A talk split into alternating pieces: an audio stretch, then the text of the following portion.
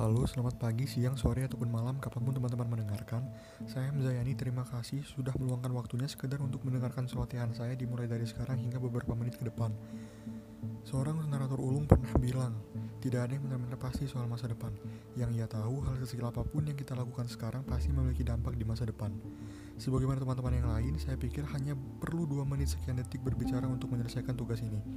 Namun, butuh waktu berjam-jam bahkan mungkin harian untuk merencanakan, lalu mencoba mengerjakan, kemudian mempublikasikan, serta paling tidak membagikan agar rekaman semacam ini bisa didengarkan beberapa orang.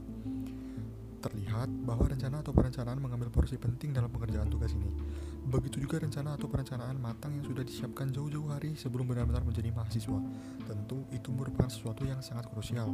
Bayangkan jika seorang mahasiswa benar-benar belum atau bahkan sama sekali tidak memiliki rencana terkait masa depannya sebagai sivitas akademika. Hmm, kira-kira bualan macam apa yang akan dia sampaikan jika diberikan tugas macam ini?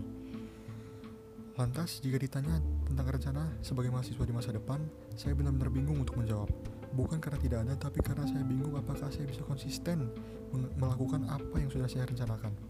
Tapi paling tidak barangkali mengerjakan tugas secepatnya dan berusaha tidak menunda-nunda termasuk bagian rencana utama.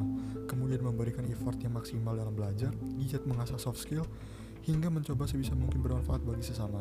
Bukan tanpa alasan, tapi saya pikir value seorang manusia pada akhirnya akan ditentukan oleh seberapa besar kita bermanfaat bagi orang lain.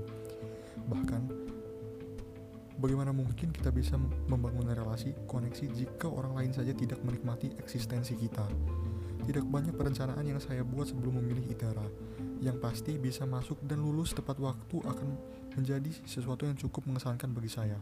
Selebihnya, selaras dengan program studi yang saya pilih, rasa-rasanya pekerjaan apa pun tidak akan pernah cukup jika pada akhirnya yang menjadi tujuan hanya kebahagiaan semu yang tercipta oleh kultur sosial yang memang sejak dahulu kala sudah salah kaprah.